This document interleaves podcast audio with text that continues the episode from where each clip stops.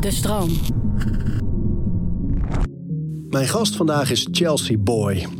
Die ken je misschien nog van het eerste seizoen Drag Race Holland. Drag queen dus, eigenlijk een naam Brian van der Heijden. En als je naar het Instagram-account gaat van Chelsea Boy... dan zie je fantastische make-up in de meest sprekende kleuren en uitingen. Bijna futuristisch. En wat ik zo mooi vind als ik daar naar kijk... is dat het een soort vrijbrief is voor de rest van ons om te zijn wie we zijn. Wat is een mens zonder houvast en zijn manier van leven? En ieder heeft een handvat en eigen rituelen. Orde in je hoofd zodat alles te overzien is. We praten over routines.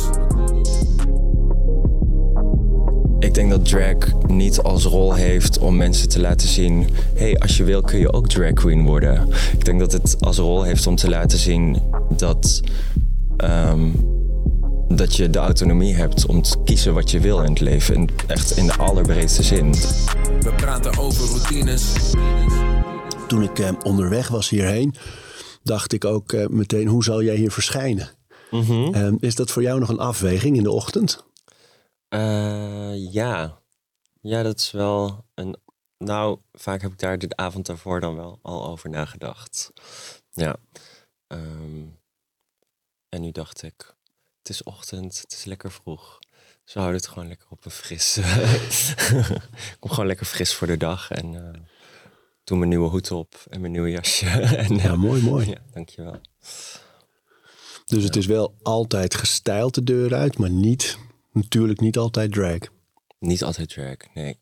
Nee, daar, daar hangt tegenwoordig wel een prijskaartje aan. Ja? Ja, ja daar gaat echt eh, ontzettend veel tijd in zitten. Heel veel energie, eh, heel veel passie. En dat is Ja. dan bijna een soort als, alsof je een verhaal vertelt in, eh, in, in, in de keuzes die je maakt qua, qua ehm, uiterlijk echt, is het hè? Ja, absoluut. Ja, de, de looks die ik creëer en de- ook de make-up die ik doe, ehm, die bereid ik soms tot in detail voor. En op andere momenten is de make-up echt een weerspiegeling van hoe ik me die dag voel.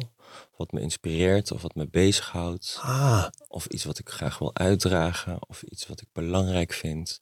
Ehm, en is de make-up zelf vaker een spontaan proces. Ik ga wel uit van mijn outfit. Daarbij kijk ik naar vorm, kleur, expressie. als, als je bijvoorbeeld op jouw Instagram gaat kijken, zijn Ja. bijna futuristische karakters. Hè? Ja. En, en, en nu jij het zegt, van ik laat het ook wel heel erg bepalen door hoe ik me voel, zie ik ook wel, meen ik, dat het soms is het heel sterk en, eh, en, en, en kleurrijk. En soms Ja. is het wat donkerder, wat Ja. somberder misschien. Ja.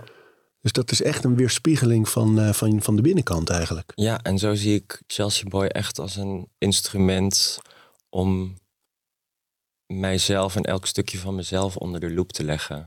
En te onderzoeken en te kijken wat daar nog meer zit. Waar dat eigenlijk begon met ehm, alleen het vrouwelijk zijn onderzoeken. eh, of het vrouwelijk stukje in mezelf te onderzoeken. Is dat uitgegroeid tot iets waarbij ik van moment tot moment een soort van meet waar ik sta, hoe het met me gaat. Het is echt een soort therapie. Zo, zie ik het. wat ja. mooi hè? Ja. En, en daar voorafgaand, van, ik, ik ben zo benieuwd bij jou hoe, eh, hoe je tot zo'n beslissing, die het toch ook is, denk ik. Is het een beslissing eigenlijk? Dat, je dan op een gegeven moment denkt, ik wil die drag kant op. Eh, ik heb als kind nooit precies gedroomd van om drag queen te worden. Ik denk dat dat een beetje gegroeid is bij mij wel. Ik denk dat het echt een heel natuurlijk proces is geweest. Volgens, ik, weet, ik kan me nog herinneren dat ik op mijn vijftiende, geloof ik, mijn eerste foundation kocht. En dat was een flesje van Maybelline, een soort... eh, veel te, veel te oranje voor mijn kleur. ik was er super blij mee. Ik voelde me echt super mooi. en daar begon dat een beetje mee. En eh, ben ik meer met make-up gaan spelen. En daarin meer eh, uiting gaan geven. Hoe reageerde je omgeving daarop? Ik kan me nog goed herinneren dat op de middelbare school, waar ik niet een hele fijne tijd heb gehad, ehm, er een, eh, heel klein groepje was die echt heel dicht bij me stond, die me direct begreep, ook vanaf het moment dat ik uit de kast kwam. En dat er ook een groepje was waar ik een goede band mee had, waar ik fijn mee in de klas was, waar ik af en toe het leuks mee ging doen. die ook wel vrienden waren, maar niet super dicht bij me stonden. En er waren er best een hoop van die op dat moment die switch niet helemaal konden maken, omdat in hun hoofd gebeurde er iets waarbij zij altijd gewend zijn geweest mij op een bepaalde manier te zien. Ze hebben een bepaald beeld van mij gevormd uh, en denken mij echt te kennen op basis van dat beeld wat zij hebben. En misschien ook wel het beeld wat ik ze heb laten zien. Uh, niet doorhebbende dat ik al die tijd een masker heb gedragen en dat nu mijn echte zelf juist naar voren komt. En dat is natuurlijk wel weer een hele leuke contrastering met het feit dat ik dan begin met make-up dragen. Dat dat erbij hoort. Dat ik, dat ik ehm, met make-up juist dichter bij mezelf kan staan. Ja. Maar dat herken ik wat je zegt. Ik, ik, heb een tijd een programma eh, gemaakt over uit de kast komen. En uh, daar had je heel vaak in vriendengroepen dat ze, soms verwoorden ze het ook echt zo, dat ze zich bijna verraden voelden. Omdat ze dachten, jij bent onze vriend of jij bent onze vriendin. We kennen je zo, we hebben je vertrouwd, jij vertrouwt ons. Maar kennelijk met wat voor jou het allerbelangrijkste is. Je identiteit. Heb je ons niet durven vertrouwen of nog niet kunnen vertrouwen. En uh, dat daar soms echt bijna iets wat neigt naar woede soms wel was. Terwijl het, ja. hoort natuurlijk over die ander te gaan. Maar dat, dat zag ik heel vaak. Dat had jij dus ook in die vriendengroepen. Een soort hoogverraad inderdaad. Van, we kennen je toch? En je bent niet meer jezelf. Um, ja, het is heel interessant hoe dat werkt. En, en ik weet, ik kan me nog goed herinneren dat ik na de middelbare schooltijd, omdat dat gewoon een hele pittige tijd was, uh, en ik gewoon heel graag meer over mezelf wilde leren, heb ik alle tools aangegrepen om mezelf beter te leren kennen en om de wereld beter te snappen. Wat voor tools? Um, ik weet op de middelbare schooltijd zelf waren er een aantal YouTube-gurus die ik, uh, waar ik heel erg uh, aan hing. Uh, die vertelden over dat het oké is om jezelf te zijn en daarin heel erg stellig waren en heel erg op de barricade stonden. bijvoorbeeld een Chris Crocker en een Danny Noriega uit Delano. Um, B. Scott bijvoorbeeld. Dat waren voor mij hele grote, inspirerende uh, types op dat moment. Later ben ik ehm, meer gaan leren over bijvoorbeeld het Enneagram. Ben je oh daar bekend mee? Ja, kun je dat uitleggen? Het Enneagram? Ja. ja het Enneagram zou ik omschrijven, ehm, dus dat is dan mijn eigen invulling, als een uh, soort stelsel van negen verschillende uh, oer oerpersoonlijkheden, oerkarakters moet het eigenlijk zijn. En die negen uh, verschillende types, dat is een spectrum. We zijn allemaal opgemaakt uit een stukje van elk type. je kan het een meer zijn dan het ander. En waar zit je op het spectrum? Dat uh, precies, is een beetje de vraag altijd dan. Hè? Ja, en er is er altijd eentje die is het meest prominent aanwezig. En dat is dan je enneagramtype. Welke is dat uh, bij jou? Bij mij is dat denk ik de enthousiasteling, de zeven. ja, dus ik had die test gedaan en daar kwam de zeven uit. Dus natuurlijk helemaal geobsedeerd met mezelf begon ik met het lezen van de zeven. Um, en nou, ik, ik, nou, het was zo'n rollercoaster van emotie, een soort van erkenning uit dat boek. Ik voelde me begrepen op een manier dat ik nog nooit door iemand begrepen was. Um, uh, huilen van herkenning gewoon en uh, uh, van blijdschap. En nou, dat, dat zo'n zo'n soort van in-depth uh, soort biografie eigenlijk die iemand geschreven heeft over mijn leven zonder dat ik erbij was. Fantastisch. Ja. ja maar hoe belangrijk het is dat je jezelf gekend en begrepen voelt en dat je denkt, ja, nu klopt het, nu snap ik het. Hè? Had je daarvoor heel sterk het gevoel dat je dus niet begrepen werd, ook door je omgeving? Uh, vaak, ja. Omdat ik van kleins af aan al heel graag op het podium wilde staan. En ik stond heel graag uh, in de picture. En voor mij was het doel daarvan altijd enerzijds om gezien te worden. En anderzijds om gewoon vreugde de wereld in te brengen. En dat, dat vandaag de dag denk ik nog steeds dat dat mijn levensmissie is. Om de wereld te voorzien van kleur en vreugde en blijdschap in de wetenschap nu dat daar ook een donkere kant aan zit en dat er balans moet zijn tussen licht en donker. Um, maar toch denk ik dat mijn missie toch daar ligt. En ik denk dat dat vroeger heel vaak werd verward met een bepaald soort egoïsme of egocentrisch of een uh, iemand die altijd in het uh, middelpunt van de belangstelling wil staan of die altijd alle aandacht naar zich toe grijpt. Dat is interessant, ja. Dat is een stigma, hè? En een beeld dat om drag en om entertainers, entertainers sowieso wel heen hangt. Om, om, om, maar ook wel soms om de gay scene. Een verwijt. Um, terwijl als je bijvoorbeeld in Amsterdam heb je een paar van die fantastische plekken waar heel veel drags komen in alle leeftijden ook. Um, als je komt, daar zit zoveel liefde en daar zit zoveel behoefte inderdaad om kleur te brengen in vaak toch ook wel vaak wat, uh, wat levens die wat tikken hebben gehad. Ja. Um, het zijn hele mooie plekken eigenlijk uh, die, die iets waardevols kunnen brengen. Absoluut. En, uh, we, zijn een grote familie en we hebben eigenlijk te maken met in de, in de gay community. En dat is dan even als overkoepelende term voor de hele gemeenschap. De hele queer gemeenschap. Uh, hebben we eigenlijk te maken met een heel groot collectief trauma. Uh, waar in mijn opzicht veel te weinig over gesproken wordt. Um, er wordt heel mooi uitleg gegeven in The Velvet Rage. Dat is een heel mooi boek. Uh, wat echt ingaat op de historie en waar wij vandaan komen. en de emancipatiestrijd sinds Stonewall ongeveer. Um, en, en wat dat eigenlijk wat er voor pijn schuil gaat in elk van ons. En dat de, niet alleen de bewuste pijn die, ons is aangedaan, maar ook alle subliminal messaging die wij ons hele leven hebben meegekregen. En het gebrek aan representatie in de media.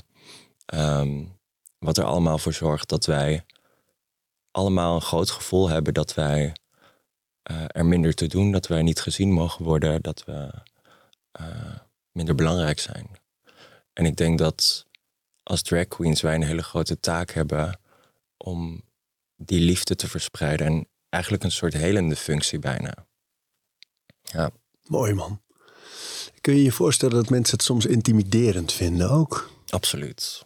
Ja, glimlach ja. erbij. Ja, ja, ja absoluut. Want dat is ook wel grappig eigenlijk natuurlijk. Ja, en ik denk dat dat, dat ook wel fijn is. Soms eh, ik merk ook soms dat, dat mensen een beetje wakker geschud worden daardoor. In een, in een directe ontmoeting bijvoorbeeld. Ehm, en soms is dat wel, vind ik dat voor mijn, voor mijn eigen ontwikkeling ook wel even fijn als ik even van, van mijn stoel. Als, als, als er even een beetje gewiebeld wordt of een beetje soort van geshort. Want dan, ja, soms is dat misschien ook wel even nodig om. Uh, om de aandacht te brengen naar, naar hoe je tegen dingen aankijkt of hoe je, hoe je met dingen omgaat. En wat zou in een ideaal geval uh, moeten gebeuren? Dus, dus um, je brengt die liefde en die kleur de wereld in. En wat zou dat met mensen, met anderen moeten doen?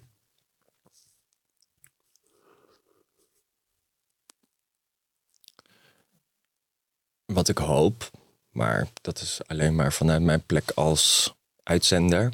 Dus de ontvanger, die laat ik sowieso altijd vrij. Dat vind ik heel belangrijk, dat de ontvanger vrij is om het te ontvangen. Of het binnen te laten komen op het kanaal waarbij hij zich aangesproken voelt.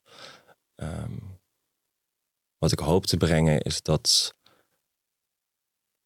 er inspiratie is en kleur en uh, dat dat hele belangrijke thema's zijn die wij nodig hebben om te overleven. Dat, daar geloof ik echt heilig in. Uh, dat wij zonder film, tv, uh, uh, decor, mooi eten, dat wij heel ongelukkig zouden worden. En, en vereniging ook gewoon, dat, dat, we, dat, we, dat we hier samen zijn. Mooi. Dan ga ik al snel een soort van filosofische kant Nou, het is heel mooi. Ik denk namelijk aan, uh, je hebt een boek van uh, Kirk, heet ze van de achternaam. Ze is de moeder van de, die vrouw uit, uh, die actrice uit Girls ook. Jemima Kirk, volgens mij. Leuke Britse familie ook, of Australisch, ik weet het eigenlijk niet eens. Hmm. Maar dat boek, Would You Like to See the House is het. En zij is styliste voor huizen. En dit is een boek over haar eigen huis. En, en een paar van de mooiste plekken die zij gestyled heeft. Maar heel kleurrijk. En er staat een quote in van een van haar dochters. En die zei, doordat ons huis zo kleurrijk was. Overal kunst, overal mooie kleuren en, en, en uitspattingen. Voelden wij ons heel vrij om creatief te zijn. En om, weet je, het is niet de mal. Dus er is ruimte meteen al. Daar moest ik aan denken toen je dit zei. Dat ik, mijn vrouw is ook van die kleuren. En Ja. er is geen witte muur in ons huis te vinden. Mhm. En overal is kunst en kleur. En ik merk aan mijn kinderen, weet je, die vinden het leuk als ze tekenen. Gebruiken ze het hele papier, gebruiken ze allerlei kleuren. Ze durven fantasierijk te zijn. En dat heeft inderdaad met elkaar te maken. Hè? Ja, in, in inderdaad de, de omgeving die je, die je biedt of die je creëert zelf. Eh, ik geloof heel sterk dat eh, alles opgemaakt is uit energie. En de energie die je in een ruimte brengt eh, en creëert, die zorgt voor die bepaalde vruchtbaarheid of voor dingen om te kunnen ontstaan natuurlijk. Dat, zo heeft bijvoorbeeld zelfs elke kleur een eigen frequentie eh, die weer in relatie staat tot onze emoties. Ben je met dat soort processen bezig op het moment dat je eh, Ja. met de make-up bezig bent ook? Dat je echt Ook. denkt van wat zend ik uit hiermee? Ja, absoluut. Ik, ik ben daar eigenlijk sinds dit jaar ben ik daar meer bewust mee bezig gegaan. Ehm, en daarover heb ik heel veel geleerd. Omdat ik daarin een verantwoordelijkheid heb. Dat voel ik heel erg. Omdat ik geloof dat eh, als visueel kunstenaar de beelden die je uitzendt echt een, ehm, een impact maken op iemands energetische zijn. En dat kan, kan heel veel dingen betekenen afhankelijk van wat je uitzendt. Dat heeft daar een hele grote rol in. Ehm, dus bijvoorbeeld kan ehm, hele donkere en hele zware beelden kunnen ook heel, heel ja, op een ver- verkeerde frequentie bij iemand binnenkomen, waarmee iemand echt aangetast kan worden. Eh, en ik denk als je je bewust bent van je invloed in de wereld, want elk van ons heeft echt zoveel meer invloed dan we denken. Ehm, en je gaat daar bewust mee om, dan ja, je, je, bent het, je bent ook het collective consciousness, denk ik. Ja, en het brengt de verantwoordelijkheid met zich mee. Hè? Ja, Dat is bijzonder eigenlijk. Ja, een hele grote. En bijvoorbeeld in de community waar ik, waar ik in werk, eh, staat eh, bijvoorbeeld in bars en clubs staat gebruik. En eh, drinken staat altijd heel erg centraal. En heel vaak het drag queen grapje gemaakt. The more you drink, the better we look. Het zijn leuke grapjes, alleen er hangt zo'n cultuur van... we moeten met z'n allen drinken. En het is eigenlijk een hele agressieve cultuur Ja? eh, kan het zijn. Eh, heel hostile, het gaat heel erg over. Er is heel veel ego, er is heel veel niet gezien voelen. Wat zich vertaalt in ja, een onzekerheid, die zich vertaalt in een bepaalde arrogantie of een, ehm, een bepaalde nepheid soms om, om jezelf een houding te geven. Eh, en dat zijn dus allemaal. Ik zie heel veel mensen in de community die niet echt met elkaar in verbinding staan die een versie van zichzelf laten zien die totaal niks te maken heeft met hoe ze zich echt zouden willen gedragen. Dit is mooi, want jij zei eigenlijk net van eh, als jij ehm, Chelsea Boy bent eh, in drag, dan ben je eigenlijk dichter bij wie je echt bent. Terwijl nu zeg je, er zijn ook heel veel mensen die het toch als een masker om juist misschien te vluchten voor andere dingen, om in ieder geval niet echt te zijn ook. Hoe ga je daarmee om als je in die community bent? Ja, en dan eh, heb ik het over community in de breedste zin, waarin mensen niet helemaal zichzelf zijn. Ehm, ik zelf vind dat soms heel moeilijk om me daarin te bewegen, want ik voel het en ik zie het. En tegelijkertijd merk ik soms ook dat ik er nog gevoelig ben om er een beetje aan mee te doen. Ehm, maar ik probeer daarin bewust te blijven bij mezelf en te denken, ja, ik wil gewoon dicht bij mezelf blijven. En Hoe doe je Maar- dat, het laatste? Dat, dat constante testen en toetsen, dat bewustzijn houden? eh, vragen stellen. Aan jezelf. Ja, gewoon hele minimalistische vragen. Wat gebeurt er nu? Uh, wat zie ik? Uh, waar gaat mijn aandacht naartoe? Waarom gaat mijn aandacht daar naartoe? Dat is dan alweer een. Filosofisch. Is dat alweer een volgende vraag? En dat lukt me echt niet altijd goed hoor. Dat, dat is mijn instelling. Soms ga ik er misschien ook wel totaal in mee. Maar wat er wel bij geholpen heeft, is dat ik ook niet meer drink sinds dit jaar. Omdat ik gewoon merk dat dat, uh, dat middelen je toch soort van um, bezitten. Ik denk dat die middelen hebben een soort energie en dat zijn soms hele donkere energieën die, um, die grip op jou krijgen en jou als een soort van controller, als een console bijna gebruiken. Maar, maar was er voor jou een moment dat je, dat je zelf dacht van eh, nu moet het stoppen, ik wil niet die, die roes of ik wil niet die... Ja, ik denk dat ik uh, mij op een gegeven moment bedacht, ik wil vanaf kleins af aan, weet ik echt al heel goed wat ik wil. En ik ben het nu aan het doen. Wat wil ik nog meer? En ik denk dat ik gewoon niet aandurfde te kijken al die tijd. Um, ik denk dat ik mezelf niet durfde te zien. En ik heb altijd de lat zo hoog gelegd en mijn eigen talent helemaal niet gezien in de tussentijd. En heel lang ook gewoon niet genoten, omdat ik telkens maar van de ene naar de andere gig ging. Zonder terug te blikken of zonder echt te genieten. Maar de hele tijd maar aan het vechten en aan het doorrammen. Um, en daarbij ook totaal over mijn grenzen heen ging. De hele tijd. Burn-outs gehad, hè? Burn-outs gehad, inderdaad. Een paar jaar terug. Um, en ja, ik dacht op een gegeven moment... Ik heb zo'n zo mooie, grote ambities. En het is zo zonde om niet even te kijken hoe het zou zijn... om mijn potentie ten volste uit te leven. Maar het is iets bijzonders, hè? want we, we, gebruiken ze natuurlijk om te vieren en om te verbinden. Toch ook wel, denken mensen vaak. Ik denk heel vaak aan de ecstasy-tijden. Dat je dan net een pilletje had geklapt en op de wc iemand zo heel droog toeknikt. En als je diezelfde persoon drie kwartier later tegenkwam, dan vlieg je haar of hem in de armen van: hé, hey, van de wc, weet je nog? We ja. Zo'n en daar zit iets met een behoefte aan, aan verbinding, denk ik ook wel, die soms ja, bepaalde paddo-trips of uh, meer in de psychedelische hoek ook wel verbindend kan werken. Maar het lijkt of er nu een soort twee stromen ontstaan van die, die kant van drugs en middelen die verdooft, uh, afleidt, ruis is. En de kant van hoe kunnen we verdiepen, hoe kunnen we verbinden, die is er ook. Hè? Ja. ja, heel erg. Nou, er zat geen vraag achter. Ja, nee. ik zie je denken van, wat zal ik er eens over zeggen? Maar er stond geen vraagteken achter. Nee, ik zie dat wel heel erg. Er zijn, er zijn Um, in mijn optiek is bijvoorbeeld ayahuasca een van de weinige middelen waarbij je uh, echt op een eerlijke reis gaat met je ziel, die ook op geen enkele manier schadelijk is. Heb je gedaan ook dus? Ja. Ja, een aantal keer. En uh, daar, zit, daar zit geen schadelijke consequentie aan. En dat is omdat het middel ook zo bedoeld is. Het is bedoeld als een zuivering van het lichaam en de geest.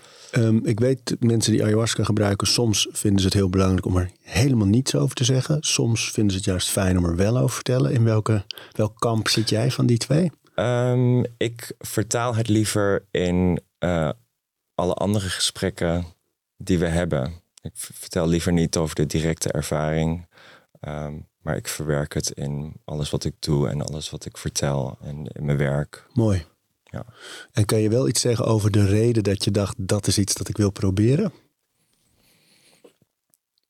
De eerste keer? Ja, ik denk dat dat ook weer een verlengstuk is van, van de verdieping bij mezelf op te zoeken. En ook te kijken, ook als even een soort van, het is gewoon een enorme spiegel die je jezelf voorhoudt. Uh, die, die eigenlijk gewoon alles laat zien en alles naar boven filtert. Uh, wat er bij jou gebeurt, welke energie je met je meedraagt, welke energie je onderweg in je leven hebt opgepikt. Uh, en, en naarmate van hoe vatbaar je daarvoor bent, kan het zijn dat je al die energie met je meedraagt. En dat kan zomaar zijn dat, dat er een aantal maanden geleden dat je een ontmoeting hebt gehad en iemand je een blik gaf met zo'n intense energie, dat je daar nog steeds een soort uh, klein ruisachtig donkere energie van meedraagt. En met dat bewustzijn ga ik dus niet meer zo snel naar een bomvolle club waarbij mensen, mensen ongecontroleerd middelen aan het doen zijn en elkaar op allerlei manieren aan het aanvallen zijn op een onderbewuste laag. Ja, beetje passive-aggressive. Uh, wat je, dat bedoel je net met subliminal. Van er is heel veel wordt er gedaan, gevonden, gevoeld, gezegd. Juist. Zonder de woorden eigenlijk. Ja, en ik denk dat als alles energie is, zijn gedachten ook energie. Dus ook gedachten kunnen omgezet worden in een, in een gevoel bij een ander. Als je zo met het leven bezig bent, hè, zoals jij, zo eh, filosofisch en, en energieën, en, uh, wordt het zwaar dan? Soms. En dan? ja. Ehm, dan is het enige wat ik kan doen, is uh, mezelf weer opzoeken. Hoe doe je dat? bij mezelf. Ehm, ik begin de dag met een ochtendmeditatie, begeleide ochtendmeditatie. En ik Wel, wat gebruik je daarvoor? Uh, soms Louise Hay vind ik hm. gewoon een hele fijne warme stem hebben. Een hele zachte stem die uh, voor mij uh, ja, heel dicht bij een soort van een soort van moederlijk, verzachtend, veilig, veilig is het juiste woord, daar was ik naar op zoek, veilig gevoel heeft. en Abraham Hicks voor de soort van de pep talks en de en de peper in de reet ook wel. Leuk, want je noemt namen die niet vaak, vaak bij begeleide meditaties, uiteraard nog altijd Headspace, Andy, um, uh, Calm hoor je veel, Sam Harris met Waking Up, maar Abraham Hicks en, en Louise Hay ja. hoor je niet vaak. Hoe kom je? Is, is het puur wat je nu omschreef, dus dat, dat, dat vaderlijke of moederlijke veilige gevoel? of de pep talk. Ja. Zijn dat de enige afwegingen of kijk je ook nog naar wat voor mensen zijn dit? Um, mijn beeld van hen is gebaseerd op datgene wat ik hen hoor zeggen. Ja. Ehm, ja. Is, had je dit als kind ook al? Dat je zo met het leven onderzoeken, wie ben ik, waartoe ben ik hier? Ja, bevragen misschien minder, maar ik denk dat ik wel altijd open en nieuwsgierig ben geweest. Ik ben benieuwd omdat je vertelde uh, over het uit de kast komen. Hè? En ik, ik heb het gevoel, want je komt sterk over. Um, dus ik vermoed een veilige omgeving thuis. Ja. Um, maar de, toch lijkt me, dit is natuurlijk altijd als kind, als je met dat soort grote vragen, misschien zelfs onbewust al bezig bent, dan, dan ja, het is toch een gewicht dat je al mee torst. En dat valt me vaak op in het hele proces rond uit de kast komen. Dat hele jonge mensen al heel veel meetorsen eigenlijk. Wat helemaal niet zou moeten hoeven. Maar hoe was dat voor jou thuis? Ik heb inderdaad een hele veilige, ben in een hele veilige omgeving opgegroeid. Ehm, met hele lieve ouders. Met een zus, een broer en een broertje. Ehm, eh, in Brabant, in Helmond. Waarbij kwetsbaarheid niet altijd voorop staat. Uh, maar er heel veel liefde is. En ik denk inderdaad dat ik op, op wel op jonge leeftijd, en dat was meer vanuit ook vanuit het schoolsysteem en vanuit hoe er daar met, werd, met me werd omgegaan, al vrij vroeg veel met me meedroeg. Kun je één voorbeeld geven van hoe er met je werd omgegaan om te illustreren? Uh, kluisjes kladderen, uh, banden lek prikken, boterhammen naar mijn hoofd gooien in de aula. Uh, opwachten naar school. Uh, Wat denk je dat dat is? Dat, dat kinderen dat dus, dus nog altijd doen? Ik denk dat iedereen, ik denk dat iedereen constant op zoek is naar veiligheid. Um, was dat, dat pesten, was dat ook al voordat je uit de kast kwam? Ja, ja, ik ben er eigenlijk een beetje uitgepest. Oh. Ja, ik ben er een beetje toe gepusht. Um, totdat ik op een gegeven moment dacht, en ik geef wat jullie willen. En ik hou de eer aan mezelf tegelijkertijd. Dus uh, toen ben ik voor de klas gaan staan. Toen heb ik dat verteld. En ik weet nog dat... Ik zat op een hele grote school. Met 2000 kinderen of zo. Zo. En ik weet nog heel goed dat voor het moment voordat ik uh, uit de kast kwam... er een heel groot... Uh, of een deel van de mensen mij al pesten. En een ander deel het allemaal wel prima vond. En ik moest gewoon lekker mijn ding doen. of er niet bewust mee bezig waren. En het moment dat ik uit de kast kwam veranderde eigenlijk heel veel. Want er waren een heleboel mensen die me aan het pesten waren, die nu wel respect voor me hadden omdat ik het ownde. As if I owed them to own it. en er was ook een groep die het nu voor het eerst hoorde. En dus die voegde zich bij de pesters. Dus wat er bij mij ook gebeurde, ik merkte dat uh, ik mijzelf verbaal ook niet zo heel goed kon verdedigen. Ik was niet bij de hand. Ik was niet uh, quick at hand. Ik was niet goed in snelle grapjes maken. Fysiek ook niet, want als ik mezelf fysiek verdedigde, dan was er altijd weer eentje die erbij kwam. Dus mijn, mijn mechanisme at the time, dat was mijn kledingstijl. En op het moment dat ik met een scheur in mijn broek naar school kwam en daar belachelijk om werd gemaakt, dan kwam ik de dag erna met twintig scheuren in mijn broek naar school. En dat heeft mij gered of zo. Dat, maar wat is het? Wat is het? Dat, dat jij dat kan. Hè? Dus, dus jij denkt, ja, fuck it. Dan twintig scheuren. Ja. On. Ja. Er zit iets sterks, hè? iets activistisch bijna. Ja. Tegelijkertijd zijn er natuurlijk heel veel mensen die juist breken. Die doen de volgende dag een gewone broek aan. Ja. Wat, is dat, denk je, dat verschil? Dat breken heb ik denk ik op andere vlakken ook wel heel erg gedaan. Ja. Maar dat liet ik dan liet ik in die vorm niet merken. Omdat daar voor mij zoiets belangrijks in zit. Er zit zo'n groot stuk wat gaat over onszelf en onze identiteit, wat gaat over autonomie. Je mag het zelf weten. Je bent zelf naar deze aarde gekomen, daar heb je voor gekozen. En je mag helemaal kiezen hoe je je wil profileren, hoe je, ehm, hoe je van dag tot dag beweegt, hoe je haar zit. Maar, maar dat is deze aflevering van Overroutines wordt aangeboden door Squarespace. Een alles-in-één platform waar je je eigen website kunt bouwen en beheren. Het maakt niet uit of je producten, diensten of je passie met de wereld wil delen. Het kan allemaal bij Squarespace.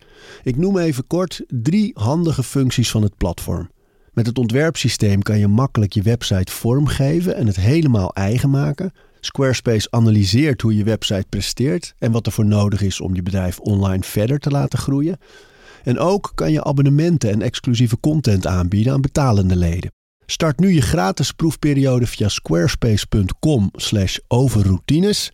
En ben je klaar om je website echt te lanceren? Gebruik dan de code overroutines. Dan krijg je 10% korting op je eerste aankoop van een website of domein. Zo vroeg eigenlijk, hè? Dus waar andere tieners ehm, best nog wat jaren nodig hebben om dat soort zelfvertrouwen te ontwikkelen, ben je voor rond zo'n moment van uit de kast komen eigenlijk heel vroeg al daarin volwassen. En het is een heel krachtig moment natuurlijk, maar het is ook wel bijna alsof je een beetje vooruit geduwd wordt in een ontwikkeling ja. door omstandigheden.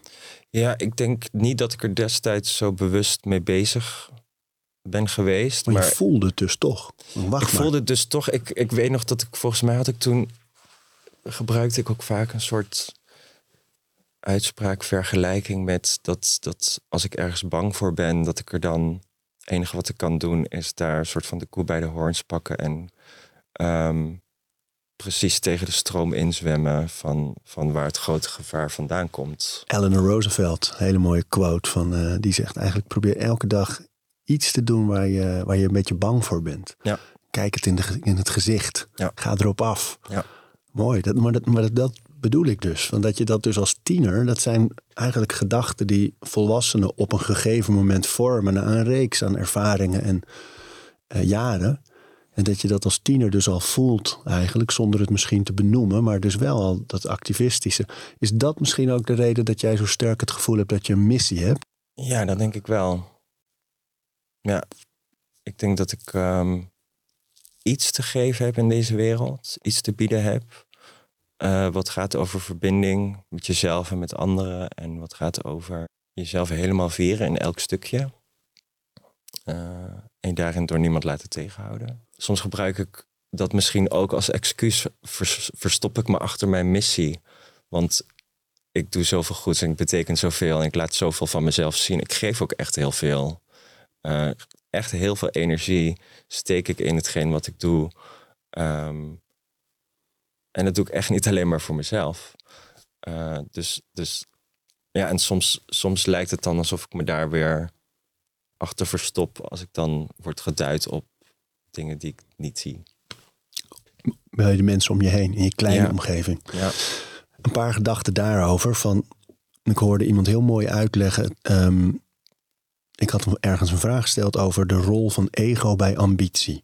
Dus als je een, een, een duidelijke ambitie hebt, of dat kan zonder een beetje ego. En toen zei die persoon: ehm, als je dat doet voor jou, voor jouw ontwikkeling, om zelf gezien te worden, om zelf, da- daar zit ego. Maar als je dat doet met de behoefte te verbinden, met, vanuit een missie, eh, dan is daar eigenlijk geen ego. Dat kan wel zo voelen, want je staat op een podium, je wordt gezien, je bent extravagant. Maar die missie is de brug. En daar is het geen ego. En, en, en ik dacht aan wat je net zei, van dat je dan soms het gevoel hebt, je bent zo bezig met verbinden met een grotere groep, dat die kleinere groep zich soms genegeerd voelt of niet gezien. Ja. En, en dat, dat hoor je vaak van dominees. Dat ze jeetje. met een gemeente heel erg, heel erg aandacht hebben voor die gemeente, voor al die mensen. Waar hun eigen gezin eronder leidt. Ja, soms. Weet je wel, dat, Ja. dat, dat is een heel bekend fenomeen. Ik denk misschien wel een beetje het juk van de man met de missie. Of de vrouw met de missie. Ja, ik denk ook dat het ergens misschien een beetje beide is. of zo. En het gevaarlijke is misschien ook wel, omdat ik dragartiest ben, dat, dat ehm, mijn product of datgene wat ik verkoop, is eigenlijk een soort van eh, karikaturistische versie van mezelf. In a way. Dus is het soms heel lastig om dat stuk te scheiden van welk stuk. En dat, en dat, dat vind ik dus ook belangrijk om dat telkens te blijven onderzoeken. Welk stuk gaat nou eh, over, over gezien worden en komt vanuit ego. En vind het ook oké. We, mogen, we mogen ook vragen: zie mij. Eh, geef mij aandacht. Zonder aandacht gaan we dood. Maar tot in, op zekere hoogte denk ik dat dat gezond is. En, en, dat, is, ja, en dat schommelt denk ik ook wel een beetje. Tuurlijk, dat is natuurlijk. Nou, Ja, joh. Ik wil het ook zo graag hebben met je over man-vrouw. Want jij zei, toen je zei, ehm, als ik in het lichaam van een vrouw geboren was, had ik Chelsea geheten. Ehm, die afweging, hè? Dus bij, bij trans vrouwen en mannen zie je bijvoorbeeld heel sterk, die, hebben, die zijn in een bepaald lichaam geboren en die, die zijn altijd al vrouw of man geweest. Ja. En op een gegeven moment komt dan het gevoel van, ik- maar nu moet ik ook mijn lichaam gaan aanpassen aan wie ik ben. ja. Jij kiest dan voor drag, dus, dus daar zit een groot verschil. Dat is zeker. helemaal niet een Ja. vrouwelijke identiteit, maar toch is het een vrouwelijk uiterlijk. Absoluut. Waar zit het verschil daarin? Eh, ik denk dat, dat ehm, drag echt een vorm is van expressie, van creativiteit, van toneel, van, van acteren, van een typetje, een rol aannemen. Eh, en dat het eigenlijk iets is wat je wel zelf creëert, maar eigenlijk van binnenuit net buiten je zet. Maar je zei net, als je zo eh, de make-up en je, je, bent- Chelsea boy, eh, dan onderzoek je het vrouwelijke in jou, noemde je het net. Ja. Eh, dus, dus daar zit het wel, dat je dan wel de vrouwelijke kant die we allemaal hebben, Ja. vrouwen en mannen, Ja. die, die onderzoek je dan. En Ja. wat betekent dat? Ik denk dat we allemaal opgemaakt zijn uit zowel mannelijke als vrouwelijke energie. En ehm, ik denk dat een balans daartussen voor iedereen net iets anders betekent. Dus voor de een betekent dat dat er iets meer mannelijke energie naar voren komt bij de ander vrouwelijke energie. Maar dat eh, een balans tussen die dualiteit heel belangrijk is. Ik ben zelf begonnen met het vrouwelijke echt te onderzoeken. Dus dat begon toen ik ja, echt zo... Met je oranje Maybelline. ja, eigenlijk wel. En dan zo'n paar jaar later ben ik zo met, met, eh, met carnaval, Halloween, met drag begonnen. En eh, dat, dat was de eerste jaren, was het echt het onderzoeken van het vrouwelijke. Dat stuk was eigenlijk, wat eigenlijk eh, die, al die jaren daarvoor er totaal niet mocht zijn. Eh, zeker in de conservatieve school en omgeving waar ik zat. Eh, dus dat was voor mij eigenlijk ja, het allerbelangrijkste dat ik dat gewoon even helemaal kon laten zijn. Waarin ik ook inderdaad nog een poosje wel heb getwijfeld of ik genderdysforie heb. Ehm, maar dat echt heel kortstondig was en te maken had met, met invloeden van buitenaf, waardoor ik heel snel realiseerde dat dat het voor mij niet was. En merkte dus, dus op een gegeven moment dat ik na vier jaar van het onderzoeken van het vrouwelijke ehm, eigenlijk een beetje vastliep. En een beetje uitgespeeld was op, op dat onderwerp, zeg maar, voor nu. En toen ben ik even gestopt, zo'n half jaar. Want ik, ik, ik moest even, even rewiren en gewoon even uh, opnieuw bedenken waarom, waarom wil ik drag doen. Um, en toen kwam Chelsea Boy en dat was echt met de intentie om het dichter bij mezelf te doen. Want het vrouwelijke, dat stond ergens ook wel weer een stukje van me af. Want, want het... die periode daarvoor was je type drag dat echt heel vrouwelijk. Terwijl nu zit er ook nog wel iets androgyns in uh, Chelsea Boy. Hè? Het is wel... Ja. En dat is dus weer interessant. Toen ik met Chelsea Boy begon, toen was het eigenlijk heel mechanisch. En was meer dat robotische en het soort van cyberpunk-achtige. Uh, met een soort van Hot Wheels make-up en allemaal best wel stereotype jonge speelgoed en zo. Wat, wat ik inspirerend vond. Transformers, een beetje die, die hoek zat ik heel erg in. Uh, nog steeds echt mijn favoriete face van, van mijn drag, denk ik. Omdat ik daarin, ja, dat, dat, daarom ben ik ook gegroeid heel erg. Uh, Was dat de periode ook dat je meedeed aan uh, Holland's Drag? Drag Race Holland, Drag die kwam daar net na.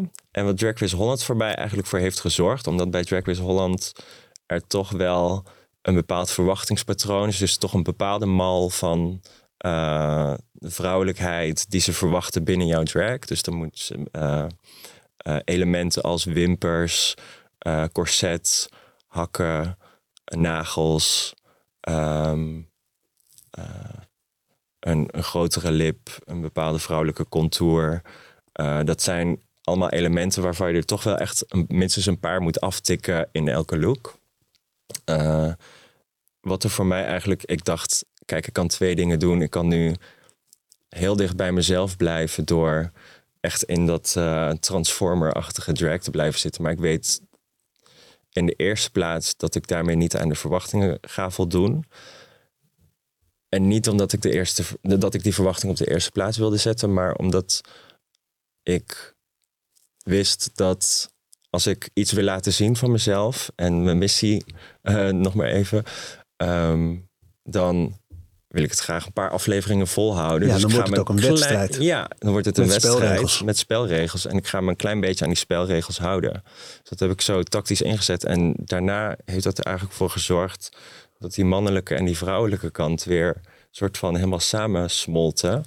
Ehm, en dat nu tot het inderdaad het androgyne, futuristische. Uh, eigenlijk genderloos, zou ik bijna willen zeggen, uh, is geworden tot wat het nu is. Ja, ja mooi hoe de dingen dan een samenloop vinden. Hè? Hoe belangrijk is zo'n rolmodel, zoals RuPaul?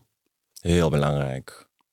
Ja, die, die heeft zo ontzettend veel betekend voor de zichtbaarheid. We winnen steeds meer land, zo zou je het kunnen zien. Alleen um, moeten we ons wel blijven afvragen wat de functie daarvan is. Enerzijds is er veel meer zichtbaarheid en zouden we verwachten dat er daarmee ook meer acceptatie komt. Maar wat er soms ook gebeurt, is dat het geheteronormaliseerd wordt en het family-friendly gemaakt wordt. Zoals en de Gay Pride. Ja, zoals de Gay Pride eigenlijk. Het bedrijf heeft een boot. Ja, en, en, en waarbij het op een gegeven moment niet meer een echte represent, een volledige representatie is van de drag community die die nog veel meer kleuren heeft en misschien soms ook wel wat meer donkere kleuren. Zou dat ook niet juist een hele mooie stap in emancipatie kunnen zijn? Als het nog weer meer genormaliseerd is? Ik denk het wel. Ja.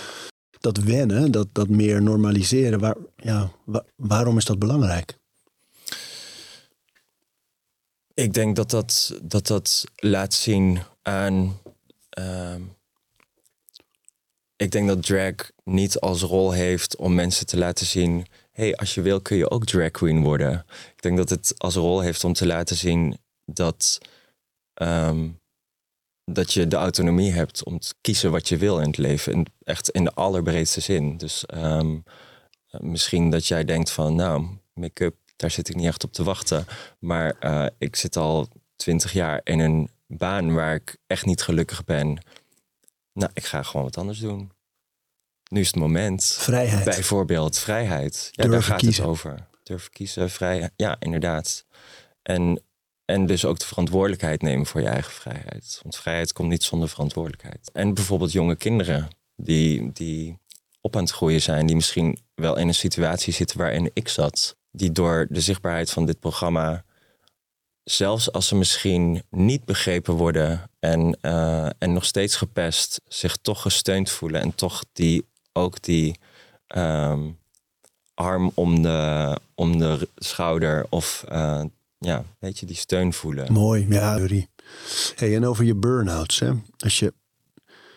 Was het omdat je je te veel uh, mee liet gaan? Was, het, was je te ambitieus? Hoe denk je dat bij jou die burn-outs tot stand kwamen? Ik denk inderdaad uh, te graag willen. Uh, niet kunnen stoppen, mijn hoofd niet uit kunnen zetten. ik denk ook, wat ik zojuist aangaf, inderdaad, dat die balans er niet altijd was van hetgeen wat ik gaf en, en de waardering die daarvoor kwam. Wat er veel mee te maken heeft, denk ik, dat drag een entertainmentfunctie heeft. En zoals heel veel rollen binnen de entertainment, denk ik dat daar soms voorbij gegaan wordt aan hoe hard dat eigenlijk echt werken is. Omdat het juist allemaal vrolijk en lachen en uh, soms hysterisch is. Um, maar dat neemt wel met zich mee dat je de hele tijd aan moet staan. Je kan niet, je kan niet een moment kiezen van hé, hey, ik ga nu even uit. Want dat, dat, dat hoort daar niet bij. Uh, en dus is dat altijd aanstaan, dat vraagt gewoon heel veel. En dan, gaat, en dan achter de schermen gaat er zoveel werk in zitten. Je bent, je bent met zoveel verschillende facetten bezig. Drag queens maken hun uh, eigen muziek, maken hun eigen visuals. Uh, zijn bezig met het ontwerpen van kostuums. Um, uh, zijn allemaal ZZP'er, doen hun eigen administratie, e-mails. Uh, weet je, ik heb nu uh, het geluk dat ik sinds Drag Race word ik vertegenwoordigd door een hele lieve agent. Yildiz, die, die heel lief voor me zorgt. En daarbij voel ik me heel erg gesteund. En ik heb ook natuurlijk heel veel fijne mensen om me heen die er altijd voor me zijn. Um, maar daar voel ik helaas voor mezelf soms echt disbalans in dat ik dat niet terug kan geven, omdat al mijn energie echt naar drag moet gaan om het. Uh, ja, ook natuurlijk om de lat te kunnen houden waar ik hem zelf heb gelegd. Wat waren de rituelen voor jou om uh, uit de burn-outs te komen? Rust en regelmaat. Toch wel echt, ja. Die simpele twee. En um, nog beter naar mijn eigen grenzen kijken. En die eerder waarborgen, eerder beschermen.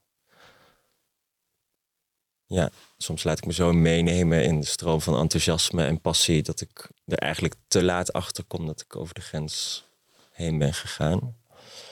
Dus meestal als je over een grens heen gaat, dan kom je pas daarna achter. soms ook tijdens, maar um, ja, soms ook tijdens trouwens. Soms kom je er ook, voel je, ik ben nu over mijn grenzen heen aan het gaan, maar ik moet echt nog even door. Dus dat gebeurt ook. En dan? En, en dat zijn dan weken waarin ik dan uh, moet zorgen dat ik in de dag echt uurtjes of dagdelen echt probeer vrij te maken. Uh, waarbij ik echt even alles uitzet of even totaal wat anders ga doen. Uh, maar er zijn ook momenten dat ik, ja, bijvoorbeeld zo'n Pride Week, waarbij ja, is het gewoon echt rammen, weinig slapen. Vroeg op, make-up in. Um, ja, dus dat, dat kan soms heel veel zijn. Maar inderdaad, de truc is dan om daar in het begin van het jaar... om te zorgen dat ik mijn repertoire, dat ik mijn, mijn garderobe... dat ik alles al heb voorbereid, zodat ik daar gewoon op kan leunen. Zodat ik daarop kan vertrouwen. Uh, en bijvoorbeeld het afgelopen jaar met, met de lockdown... die eigenlijk best wel snel opeens werd, werd stopgezet. Zeg je het? Ja, zo voelde het gek genoeg dan toch. Hè? Nou, ook al was het, het in totaal wel elf maanden. Twee jaar? Of... Twee jaar in totaal COVID en elf maanden gewoon helemaal dicht geweest met alles. Ja. En het was echt heel lang. Dat was heel veel. En tegelijkertijd dat opengaan ja, voelde dan weer heel snel. Want en ik voelde toen al, en het is heel gek dat dat toch gebeurd is, maar ik voelde toen al. En toen heb ik nog mensen om me heen gewaarschuwd. Van let nou op, want we hebben twee jaar echt, we zijn zo vertraagd met z'n allen. Dat zeg maar wat er nu gaat gebeuren is dat, dat iedereen denkt: het mag weer, het kan weer. En die wil in één keer weer van 0 naar 100. Uh, en ik heb er echt voor des, ja, toen voor gezorgd van ik moet het echt rustig aanpakken. Ik wil er langzaam weer in. Maar toen kwam die zomer al heel snel tevoorschijn. Uh, en merkte ik dus ook van, oh, ik, ik loop echt achter. Ik, ik, ik kan het even niet bijbenen, weet je. En, maar dat zijn tegelijkertijd ook de maanden waarin je als queen gewoon het meeste geld kan verdienen. Dus dan moet je toch even, gewoon even bijbeuken, zeg maar. En, en dat is misschien een goed voorbeeld van hoe zorgt je er dan nu voor dat je niet toch weer in zo'n burn-out glijdt. Als je weet, er is heel veel druk, ik moet ook wel even. Hoe, hoe zorg je daarvoor? Het afgelopen jaar? Ja. Het afgelopen jaar is me niet gelukt. Oh, dat was de laatste burn-out? Dat was de laatste. Dat was na, oh. na de zomer. Ik ben, daar nog, ik ben daar nog uit aan het komen eigenlijk. Zo joh. Ja. Zo. Maar ik heb het vermoeden dat ik het nu geleerd heb. Ja, zegt hij met een lach. nee, ik, ik, denk, ik denk dat ik begin door te krijgen wat er steeds gebeurt. Ik, omdat ik van, werk vanuit uh, mijn emotie of mijn humeur of mijn uh, is dat altijd heel actueel. En wil ik dat het altijd heel actueel is, omdat het een eerlijke representatie moet zijn van waar ik sta. En misschien uh, droom ik daar soms iets te ver in door. Dat het elke keer weer anders moet zijn, dat elke keer weer elke nieuw. keer puur en spontaan moet zijn. En dat het soms misschien oké is om iets dat gewoon goed werkt te herhalen. Omdat het voor andere mensen, voor een ander publiek is. En dat is helemaal oké. Zo, ja. Ja, nou ja, en dan merk ik wel... dan maak ik het heel moeilijk voor mezelf. Gewoon. Ja, dan denk ik, het is zo zonde, want weet je, ik kan veel meer genieten. Ik denk dat ik ook veel meer succes kan boeken. Ik denk dat, uh, ook omdat ik telkens wat anders doe, word ik minder vaak herkend als dezelfde persoon. Uh, dus als het dan gaat over consistentie, kan dat denk ik, weet je, de oplossing zijn. Ja. Dus ik ben daar nog niet, maar begin het steeds meer, het kwartje begint steeds meer te vallen. Ja, joh. Ja. nou, ik denk wel hoe, hoe, hoe ik je nu een beetje in dit gesprek leerde kennen, is dat die vragen die je zelf stelt ook wel kunnen helpen daarbij. En is het, uh, het stoppen met drinken ook na die burn-out, of was dat daarvoor al? Mm, nee, vanaf februari ongeveer. Ja. ja. Uh, bijna een jaar. Bijna een jaar. Ja, bijna een jaar. En ik denk dat misschien ook dat wel een rol heeft gespeeld, omdat ik misschien wel dacht: oh, nu ben ik nuchter, ben ik stabiel. Kan er eigenlijk niks misgaan.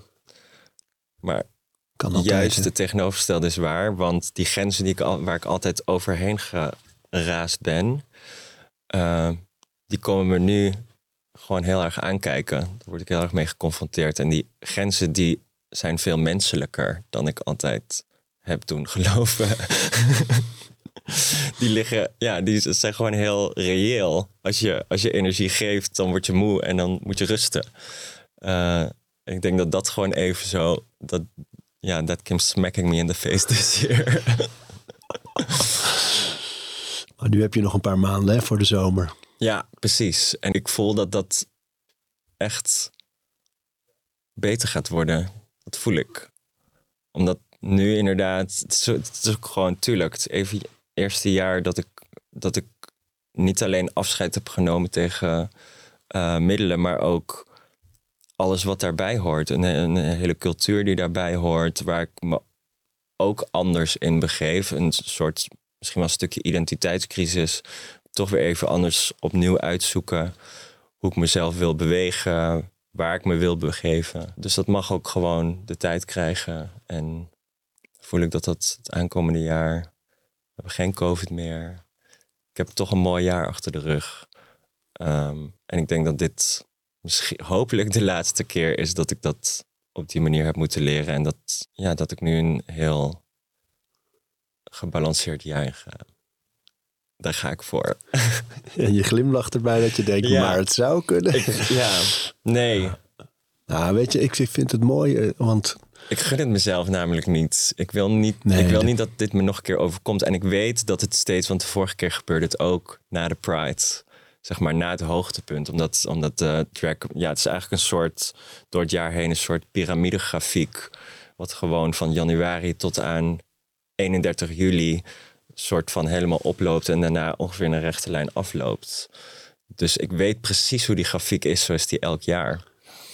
Uh, dus kan ik me daar nu, nu ga ik daar gewoon echt anders in. Ja, maar jij, moet bijna leven als een topsporter, joh. Maar qua voeding en qua slaap en ritme en, uh, ja. en voorbereiding. En dan pieken op in het hoogseizoen. Ja. En dan weer, uh, weer afbouwen. Zo. Ja, en dat stukje, dat, dat is gewoon een groot thema. Op echt een topsportseizoen met hoge druk op een podium. Ja. Dan, uh, dan ben je er, man. Dat is echt mooi. Om ja. het op die manier te benaderen. Ja. ja, denk ik ook. Want je hebt een boel te brengen. Dankjewel. Ja, mooi. Schijn het licht maar lekker die wereld in. zo lief, zo inspirerend. Fijn dat je er was. Heel erg dankjewel voor de uitnodiging. Jij. We praten over routines. Dankjewel voor het luisteren. En voordat je weer doorgaat naar andere dingen, wil ik je nog even wijzen op Over Inspiratie. Dat is het mailtje dat ik elke donderdag rondstuur met drie tips. Dingen waar ik zelf veel aan gehad heb. Kunnen producten zijn, artikelen die ik gevonden heb online, onderzoeken uh, Instagram-accounts, podcasts, boeken, van alles eigenlijk. En ik denk dat je daar zelf ook veel aan kunt hebben. Dus vind je het leuk om dat mailtje elke week te ontvangen? Dan kun je je opgeven op ariboomsma.nl onderaan de pagina. Dan krijg je voortaan elke donderdag in je mailbox over inspiratie.